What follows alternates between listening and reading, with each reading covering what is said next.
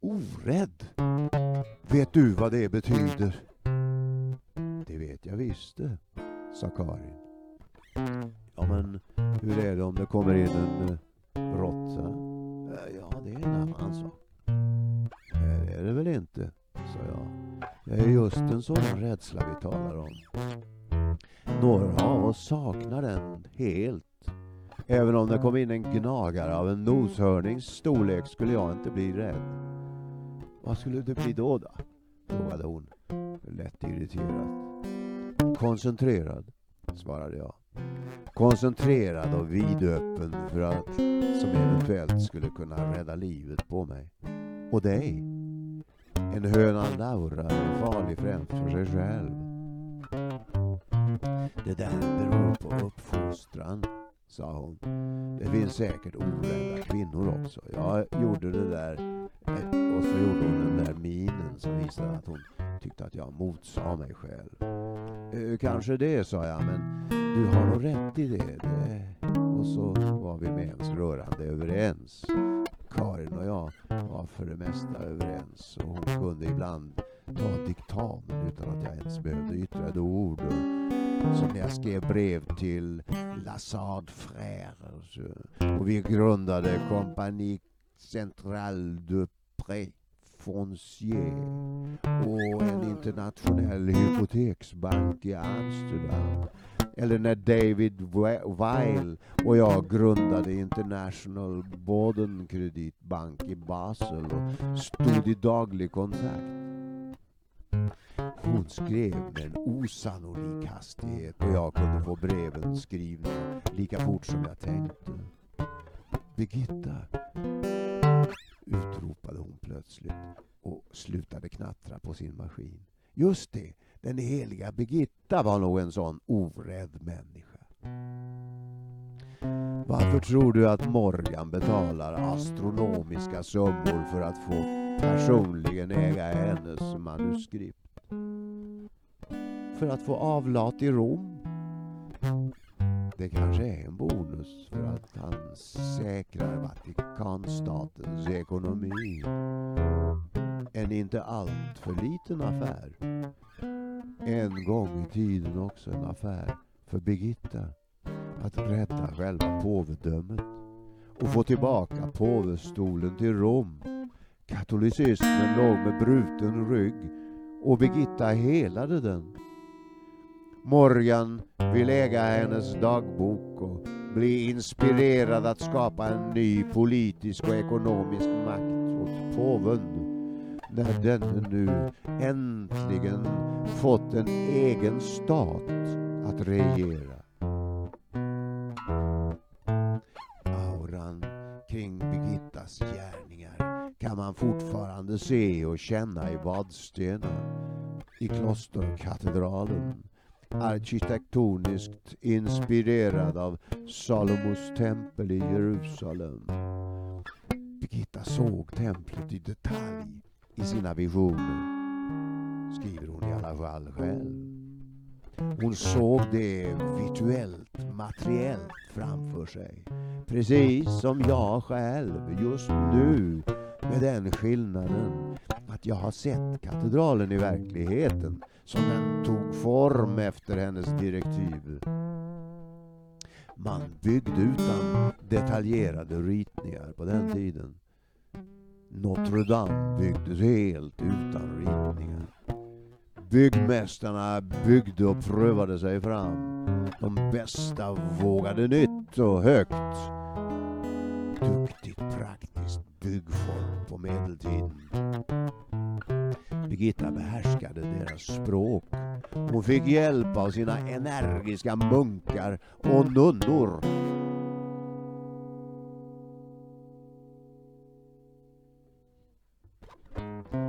I allt. Och de samtalade om hur det skulle se ut, hur katedralerna tog sig ut i Birgittas inre i de detaljrika visionerna. Hon beskrev var pelarna gick och hur muren var utsmyckad och hur det räckte även om fullbordan inte kom under hennes egen livstid. Vadstena är en idyllisk liten stad och var det sista fästet för den internationella katolska makten i Sverige. Med dynastin Vasa avtynade det katolska. Vasa var vass. När han satte stopp för Fugger just som denne var ytterst nära att ta över hela Bergslagen. Kasta ut de katolska munkarna och till sist också nunnorna ur klostren, ur samhället för att göra nytta istället. Istället för att fly till onyttiga ritualer och evinnerliga vesprar och mässor. Just innan katolicismen totalt förvekligades och föll och Birgitta personifierade detta, det sista nordiska kraftutbrott, hämtade hon förtappade kvinnor från Malmskillnadsgatan och gifte bort dem till grevar och storbönder på Östgötaslätten. Som om, om de inte ville bli nunnor förstås, vilket de alltid, alltid ville. Hennes gärning var stort praktisk och inriktad på att lösa verkliga problem. Det påstods att hon, där hon tog ett steg, helade världen. Hon samlade byggmästare omkring sig och helade dem också. Hon fick kung Magnus att stödja henne genom att donera sitt kanske största slott till henne och hennes orden. Jag såg katedralen som verkligen blev byggd, både inifrån och utifrån. När Viktor berättade om sina möten med Selma Lagerlöf tänkte jag att här har vi ännu en visionär. Hon skrev i ett tillstånd av trans. Hon satt på Näs slott och skrev för att kunna köpa tillbaka det från fadern bortsupna Mårbacka. Hon gjorde en förmögenhet med sin penna och köpte tillbaka fädergården och kunde i trygghet släppa sin ande fri där. Näss, vass, holmar och skär. Skälmar gör hor. Mm. Men inte på Östgötaslätten. Heliga Selma berättade om allt utom sjöresor eller flodfärder. Hon var kanske lika mycket Birgittas motsats som Vasa var Attikus motsats. Dragningen till Rom och Jerusalem hade de alla, utom Vasa, som bara drogs till sina slott där han härskade och sådana bästar som generalerna Björn och Ram och Vinge i strama tyglar. Filmbranschen var spännande. Vi hade många svirrande, svävande resonemang. Massor av intressanta karaktärer på teaterscenerna och i filmstudion i Råsunda studerade man mäktiga män och kvinnor. Det var kungar och prinsar från både ruttna och färska kungariken och värjor som blixtrade. Mycket vapenblänk och furila sagoberättelser. Men Sjöström, han gjorde nya filmer. Även de okända slumsystrarna hade liv värda att skildra. Samhällets utanförstående hade också en plats i världen.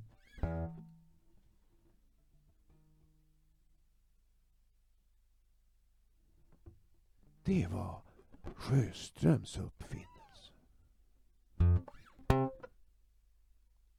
Och de skådespelare jag träffade var många gånger bland de intelligentaste människor jag överhuvudtaget träffade någonstans. De kunde vara allvarliga mitt i ett halsbrytande skämt. Men det är säkert, det är inte alltid lätt att skilja på vad de lärt sig utan till och vad de har kommit fram till själva. Som med mig och Birgitta. Hennes vision var en uppenbarelse. Min vision av samma byggnad, Salomos tempel, var ett turistminne. Här är det frågan om en inre kvalitetsskillnad. Jag var liten pojke på ett av de idylliska sommaräventyren i främmande landskap. Familjen hade långa lyckliga dagar på resor genom Sveriges landsbygd. Vi kom till skeppssättningen vid Härsa där den låg vid kanten av Vätterns glittrande vatten. Sädesfälten böljade inåt Östergötland. Och vilken särskild plats.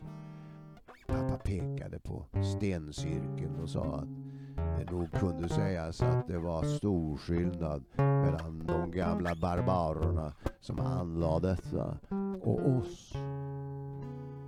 Och så föreslog han att vi skulle gå och titta på Birgittas kyrka. Ja men, pep jag, den byggdes ju på medeltiden. Jo, men jag menar just det att vi är ungefär likadana nu som på medeltiden, sa pappa. Pappa, det tror inte jag. Det finns inga enucker eller munkar och nunnor kvar. Han skrattade och det gjorde mamma också. Hon tyckte nog att jag var lite lillgammal. Mina systrar fnissade och vi promenerade vidare i gröngräset. En Vattenångare hade tutade och det var dags att ta vagnen in till staden igen. Och gå på gatorna och se Vasaborgen och Bjällboättens palats på väg till klosterkyrkan. Jag var fascinerad av alla de avslagna nässpetsarna. Alla statyer och reliefer av helgon och profeter strålade av visdom och insikt. Men deras näsor var avhuggna. Som liten gosse funderade jag på varför. För att de var så gamla, för att de var så förflyttade och skadade. För att de angripits av bildstormar. Ja, det var de kultiverade protestanternas sista insats för det avlånga landet Sverige. Bara straffa helgonen och de falska profeterna och låta katedralen stå. När bildstormarhoparna drog över Europa 1420 var det värre skador som åsamkades de katolska heligheterna och också relikterna och prästerna drogs med i förstörelseorgierna som barn i otider dras in i och gör obönhörligt samhälleligt kaos råder, som 1420, när brännvinet spridit sig som en epidemi bland bondebefolkningen. Protestantismen var revolutionär, gällde inga regler. Barnen lämnades åt sina egna fantasier, utfattiga, utan skolgång möttes i hopar kring några som födde dem, som flockar av hundar. Alla regler utan undantag bröts ner och borgarklassen blev proletär, vulgär sadistisk. Det vet Selma Lagerlöf allt om och från Mårbackas observatorium studerar hon människorna omkring sig och berättar för Viktor Sjöström som kokte av idéer och att skildra människosjälen på celluloid. Viktor antydde att heliga Selma hade en del bisarrerier för sig. Shh, sa Garbo.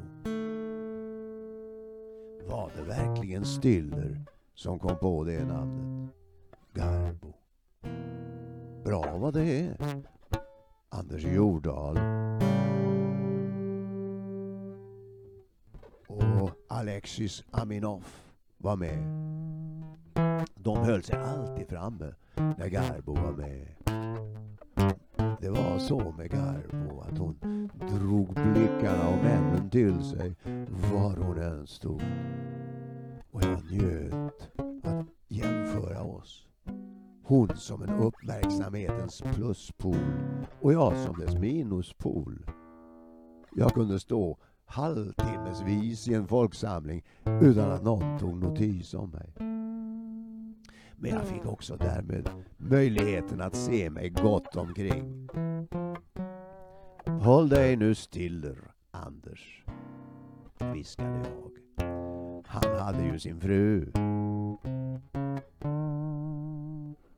Människor med stora ambitioner hade jag omkring mig och kvinnor som drog till sig blickarna. Själv lyckades jag därmed stå utanför och inte märkas. Jag kunde känna hur läpparna lyfte och ett leende växte fram och jag tänkte på sagan om gossen som kunde göra sig osynlig och ta på sig en magisk klädnad. Jag satte på mig en diskret rock av gängse snitt. Ja, faktiskt mitt i modet och kammade mitt tunna hår som gemene man satte på mig hatten. Jag hade beställt den på Rue Gambon så att den såg ut som alla andras hattar. Även om jag hade några specialeffekter insydda bakom svettremmen. Mitt reservkapital i form av sammanvikta depåbevis. Jag visade inte ens för pappa. Han ringde mig ofta och undrade annars vad det och det låg. Vad hade vi investerat senast? Va? Har vi alla sågverken längs Norrlandskusten? Det var huggan. Men jag visade honom inte vad jag hade bakom svettremmen. Det hade räckt för att grunda en ny dynasti, skulle jag tro. Jag såg hur Stiller var igång i den riktningen. Grundandet av en ny dynasti. Men det var hans bröder som verkade de mest energiska. Usch, Maurits stjärna föll. Han gick bort som ett stjärnfall. Greta Garbo avvisade hans frierier.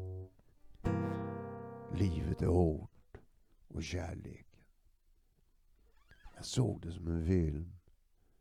Hur människorna hade det och jag fick höra berättelser som var sagolika. Sant sagolika. Sketa-John och Greta. Hennes far hade varit latrinbärare i Stockholm. Han kunde köra den fullaste skittunna över dyra äkta mattor utan att spilla en endaste droppe. Det hade han lärt sig av de kloka husfruar som ställde en nyöppnad pilsnerbutelj på locket när träcktransporten skulle gå.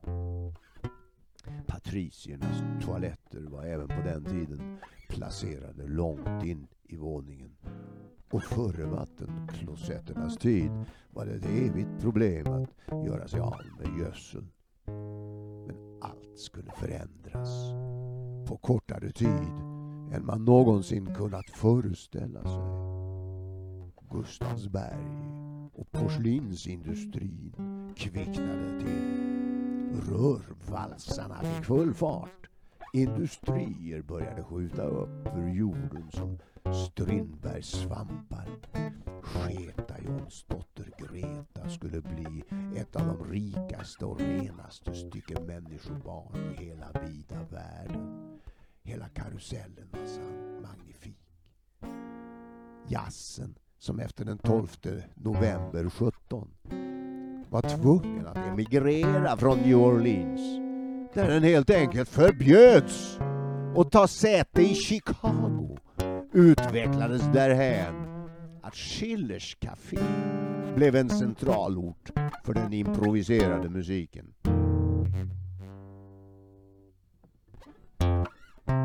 Det var en sagolik förändring.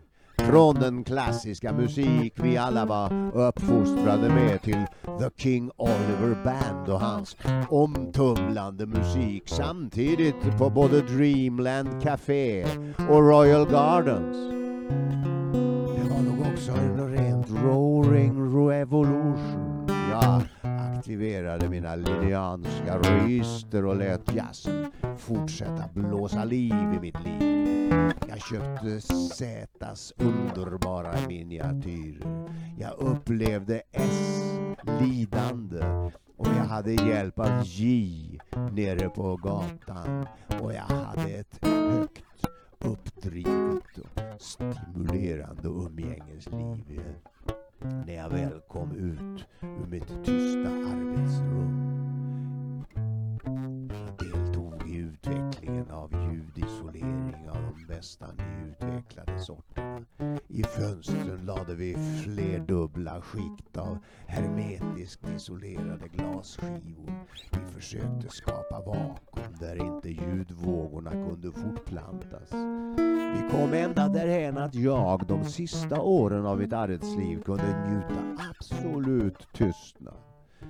När jag satt mitt i storstaden och ringde, konfererade och planerade med koncentrerade self-made men and their rådgivare.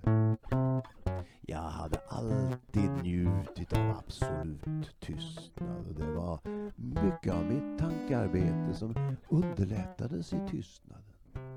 Men det var också kontrasterande skönt att komma ut i den ljuvliga jazznatten efter en finalförhandling med underskrifterna klara. Stötarna grinade illa på Västra Trädgårdsgatan när jag bad jazzmusikerna att komma till Stockholm och spela ute i mitt skärgårdsparadis. Jazzfilm och Bröderna Stiller var fattiga ryssar som kom till Stockholm, lyckades och ville ännu högre, till självaste Hollywood. Moje hade ju på vägen ordnat kontrakt med Greta och henne ville alla se. Själv hade han en rock som blinkade och pep förutom sin gula Packard så att alla skulle se även honom. Eh, naturligtvis kom han till Hollywood men han var för otålig och endast en katastrof återstod. Då och då koncentrerade sig filmfolket på att hålla sams och verka åt samma håll. Det var när en film blev till. Det var skönt att få vara med om sådant. Till och med Mojes bröder höll sams. Men vi fick inte till ett EF, Europeisk filmindustri. Bröderna Stiller gick i spinn. Garbo var med. Hon var mer självständig än vad Moje hade kunnat drömma om. Chocktillstånd, depression, inga regiuppdrag. Greta stal verkligen glansen från honom. Man kan nog säga att det var Moje som om inte gjorde EF genom att han närmast tvingat Greta över Atlanten. Hon och jag var motpoler även därvidlag. Ingen behövde tvinga mig över Atlanten. Vi var motpoler i allt, utom sexualkraft. Mm. Vi kunde utan problem vara nära vänner. Jag hade det så med många ur filmfolkets krets och trivdes med att ha deras egensinnighet omkring mig och Berlinvännerna med en mer hektisk livsstil än de flesta. Vi delade drivmedel, instinkt och kampen mot sömnen.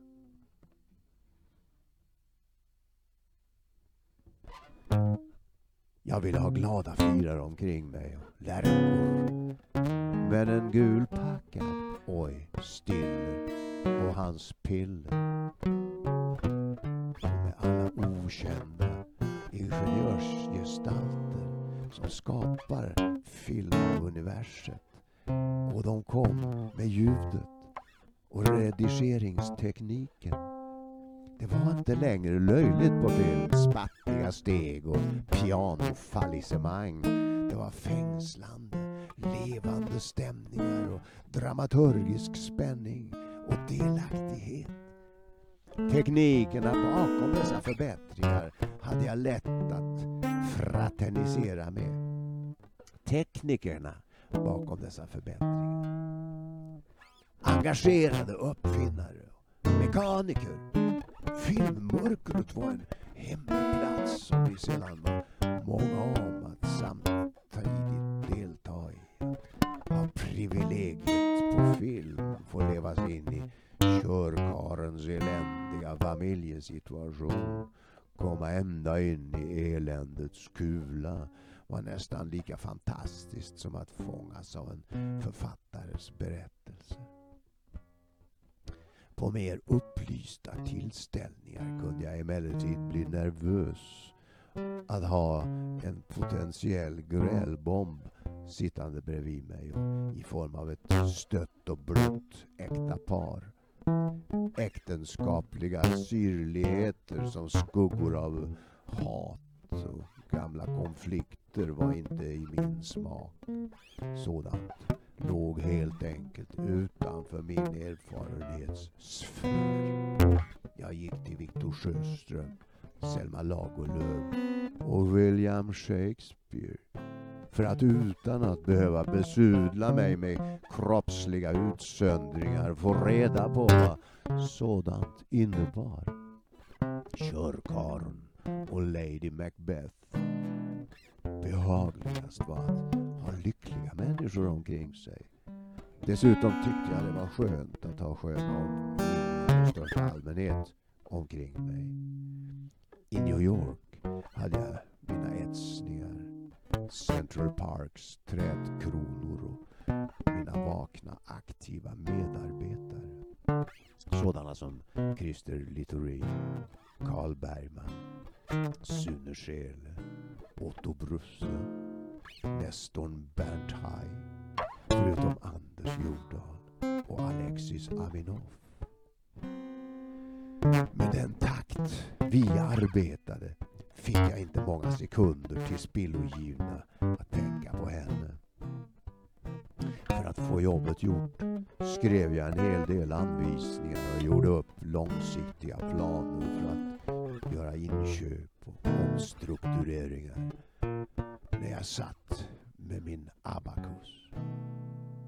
Jag hade alltid en stenograf att ringa sedan när det gällde längre och mer avancerade kalkyler. Jag hade sådana avtal med dem att jag kunde ringa när som helst för att få en utskrift gjord, i gryningen oftast, när jag tänkt färdigt och lagt den sista patiensen. Jag kunde ringa och ibland och ta det per telefon men särskilt mot slutet bestämde vi mötesplats. Hon satte sig ner med sitt block och jag satte igång att formulera mig. Jag kunde på så vis mycket snabbt ge bud eller svara på ett oberoende av språk. Kvinnor är genomgående bättre än män när det gäller att förstå språk och har nästan alltid mycket mer erfarenhet av läsning och skrivning och är helt enkelt ofta mer belästa än de framgångsrika männen som ofta i något avseende slösat bort tid i det militära eller som lärlingar på fel företag och studenter på fel skolor. Det var min stora makt kunna ge mig den lyxen att vara omtyckt av många sekreterare och stenografer som jag kunde ge bra betalt. Några kunde leva bra utan att behöva skriva något på månader. Men så var jag igång med någon process och då fick de jobba desto mer.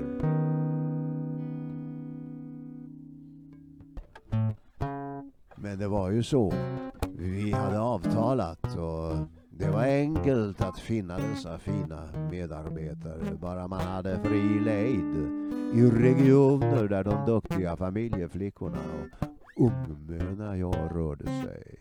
Efter kriget satt det nere i Europa välutbildade änkor överallt och hängde med huvudet. Kvinnorna hade tvingats ut i arbetslivet under kriget på grund av den skenande rustningsindustrin och av det naturliga skälet att männen hade fullt upp med att skjuta ihjäl varandra.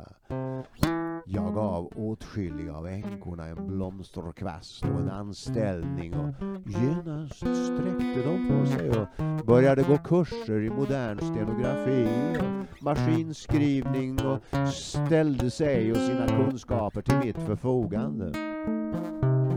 Egendomligt var det väl kanske inte att världen var en enda lång krigshistoria när man betänkte att Hypatia var den enda kvinnliga antika filosof genom historien som bedrivit offentlig undervisning.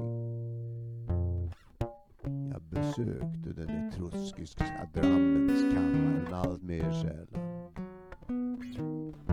Liljekonvaljerna spred jag istället ut överallt som en ymnighetens lovprisning.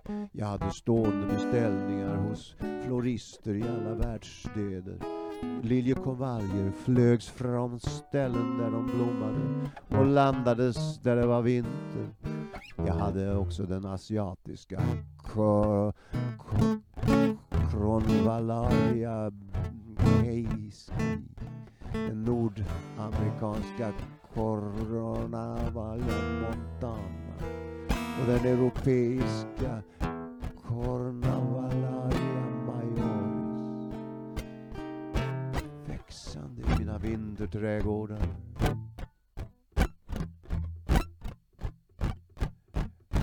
Convallaria Case Convallaria montana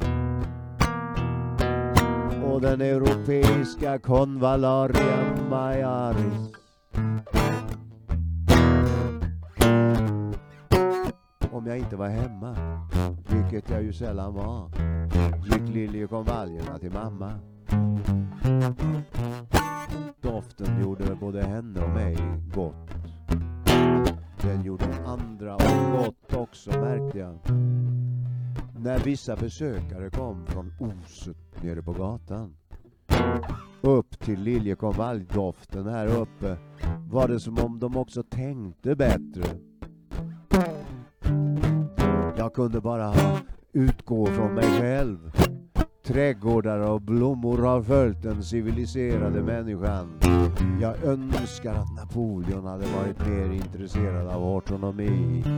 Till och med Stalin gillar att påta i trädgården.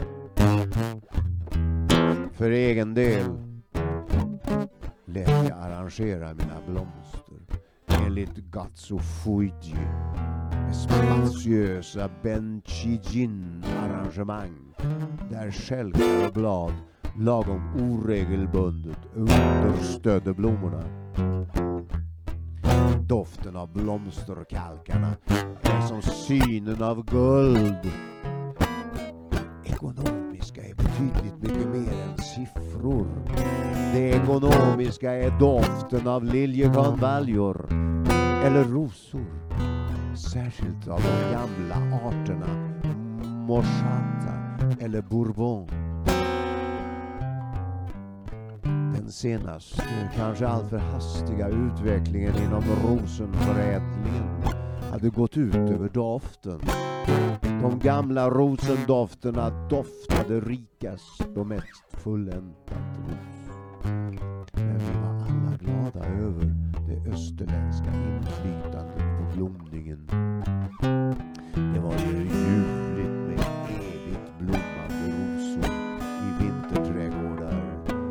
Första remonterande europeiska rosorna var La France. När det kommer till rikedom är den ibland ett begrepp som är mycket positivt. En rik doft av rosor är ju bättre än doften av sketajons stövlar. Inte den uppfinningen man ger ordet i Sovjetunionens litteratur. Det är inte den uppfattningen man ger ordet i Sovjetunionens litteratur. Rikedomen är en förvandelse. Kunskaper och erfarenheter är ett hot mot revolutionen. Det kunde man läsa redan om hos Dostojevskij. Och där kom man till den sig slutande cirkeln. I Fäkus började på nytt.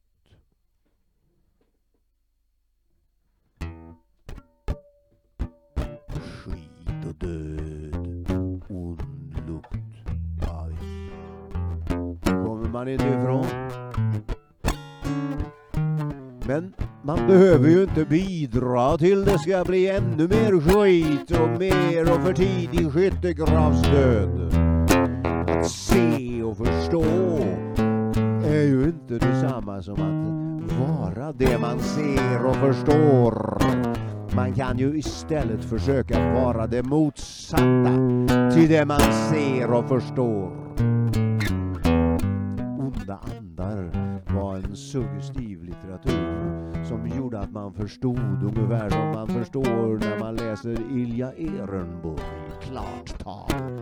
Men tyskhataren Ehrenburg har det vidrigt fel om dig. Och så heter jag inte Olsson. Förbannade typ. Skitskallige Olsson. Som han påstår skickar en rysk emigrant till döden. Undrar om han menar Moje. Hans ynkliga penna skriver att jag tänker på margarina, margarinhandel med Norge när jag kommer in på restaurang Eden. Ja, det kan ju hända.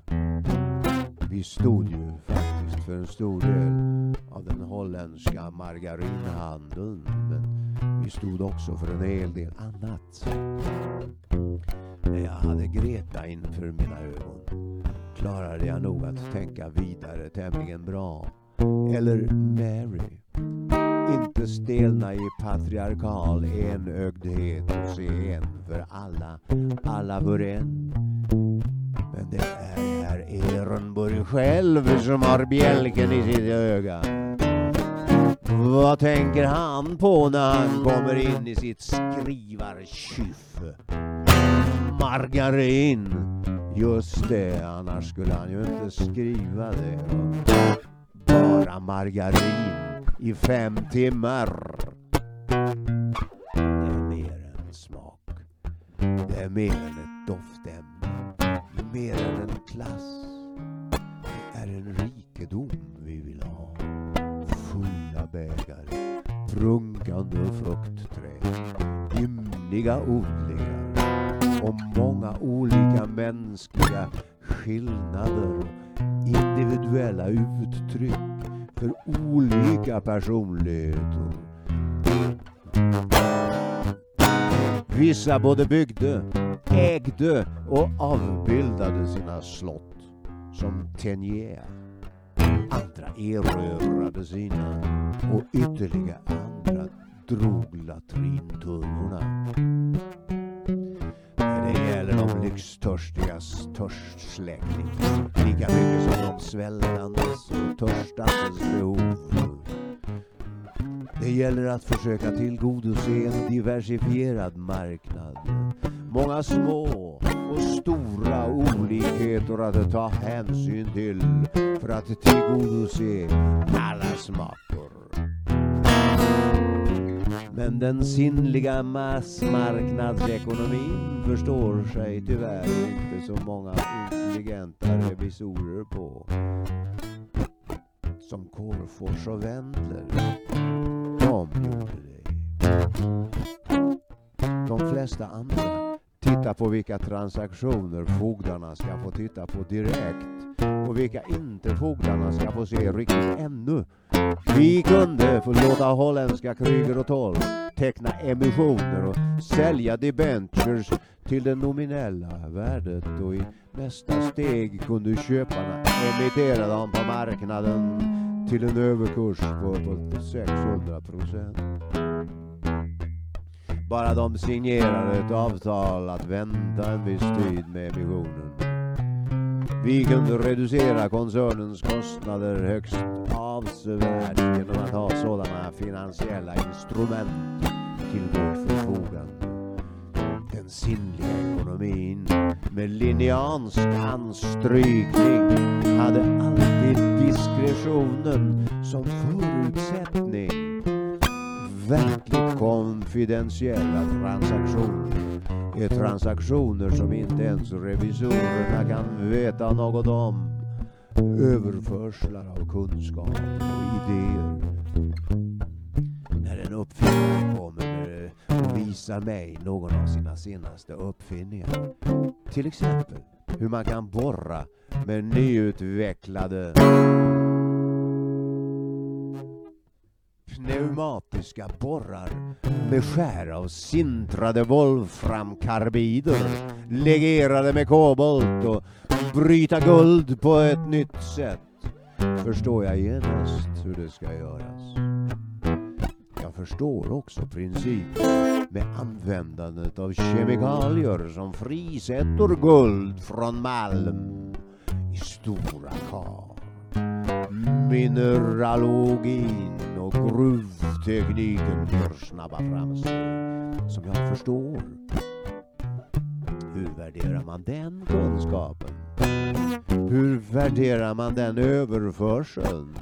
Hur värderar man Boliden-ådran när man inser att det kommer att vara möjligt med relativt enkla medel att komma åt guld för miljoners miljoner?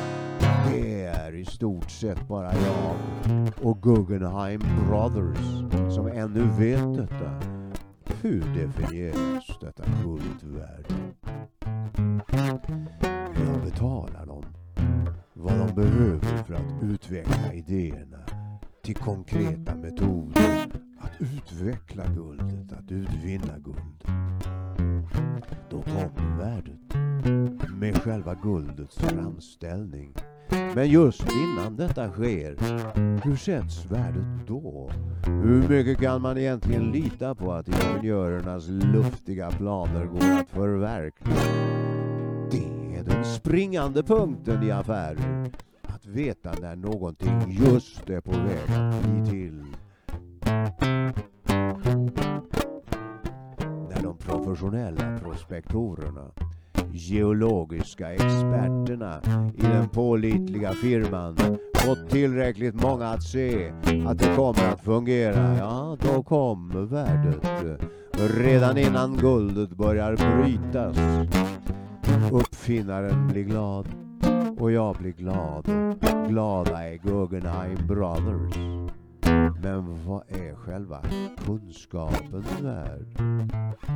Tja, det potentiella brutna guldets värde är ju egentligen lika fiktivt som det brutnas. Guldtackorna ligger i staplar i bankvalven och används till intet. Som vissa stora stenar ute i Polynesien utgör valutareserven. De ekonomiska vidskepelserna har tagit nya former. Fort Knox eller en obruten åder. Guldet är värt mindre nere i bolagens, Bolidens bergdjup än som guldhalskrage från Olleberg. Olika stadier av värde.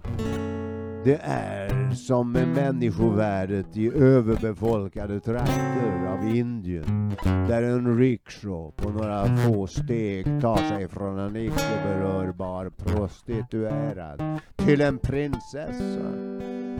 Olika människovärden på olika platser och i olika former. Det är nog detsamma som den andliga aspekten på domarringen i Härsa och katedralen i Vadstena. Skillnader i form, men kanske inte i innehåll. Gud finns nog i de bägge. Om inte de bägge finns i Gud. Mina buddhistiska vänner säger att Gud inte finns. Under det att mina katolska vänner säger att han visst finns. Vi kan samtala om detta till dess att solen går upp över Atlanten och kastar ljus in över staden och över min lilla Diana. Och Cupidens vattenstråle som begjuter henne med gyllene vatten. Gud och guld. Det är underbart att se det skimra av morgonljus i hängpilens blad. Jag byggde mig en trädgård högt i New York.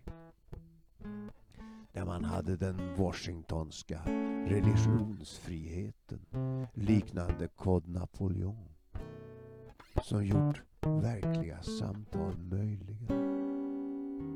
Alla människor var värda en chans oberoende av trosinriktning.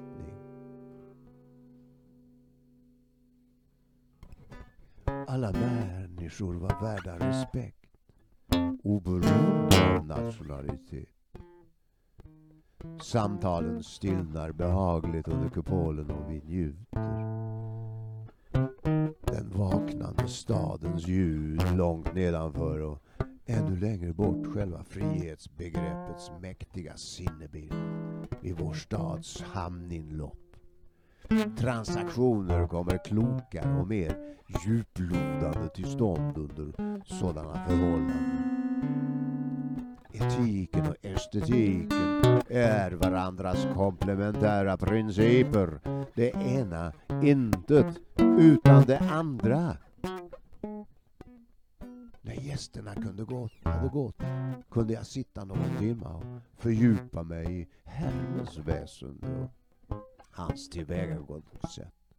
Hur olikt Robert Guiscard eller Gustav Vasa han arbetar för att få guldet i omlopp. Utan direkt vilja till eget ägande. Jag såg hur Löwenstein från Bryssel och Insul från Chicago hade lärt en hel del av Hermes. Men Robert Guskard var Tancred de Hautvilles son och en normandisk erövrare. Hungrig på land, oemotståndligt krigsgalen och den ledande kämpen för att förhindra en bysantinsk erövring av södra Europa. Han visade en minst lika stor hunger efter land som Gustav Vasa visade 500 år senare. Metoden var den att upphöja den förstliga egoismen till religionskrig. Vasa bekämpade katolikerna och Guiscard bekämpade muslimerna. Och bägge kom att bli omätligt rika. Samuel Insull var en betydligt mer civiliserad man och han började som sekreterare hos ljuskungen Edison.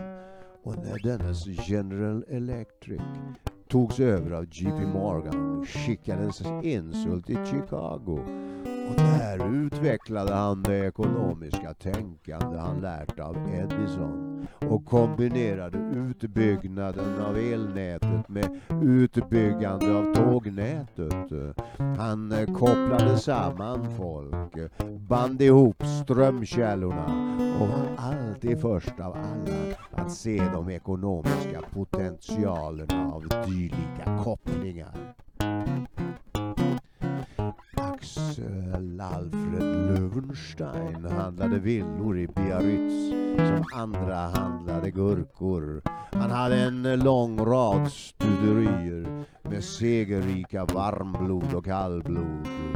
Bodde likt Coty med utsikt över själva Longchamp och var alltid med på rävjakt med City of Londons ädlingar som alla ville ha stalltips av honom. Han hade oturen att ramla ur sin Fokker med destination Bryssel mitt över den engelska kanalen den 4 juli 1928. Ungefär samtidigt som jag fick ett sista telegram från Stalin så strömmade en avsevärd del av Löwensteins guld in i fickorna på medpassagerare. Två kvinnliga sekreterare. En bekänt, piloten och k-piloten som nödlandade på Normandies kust och det skvallrades och undrades hur dessa kunde gå fria från anklagelser för mord trots att de kom att leva ett besynnerligt ekonomiskt eh, befriat liv in i 30-talet. Löwenstein kom att kallas The Man Who Fell From The Sky.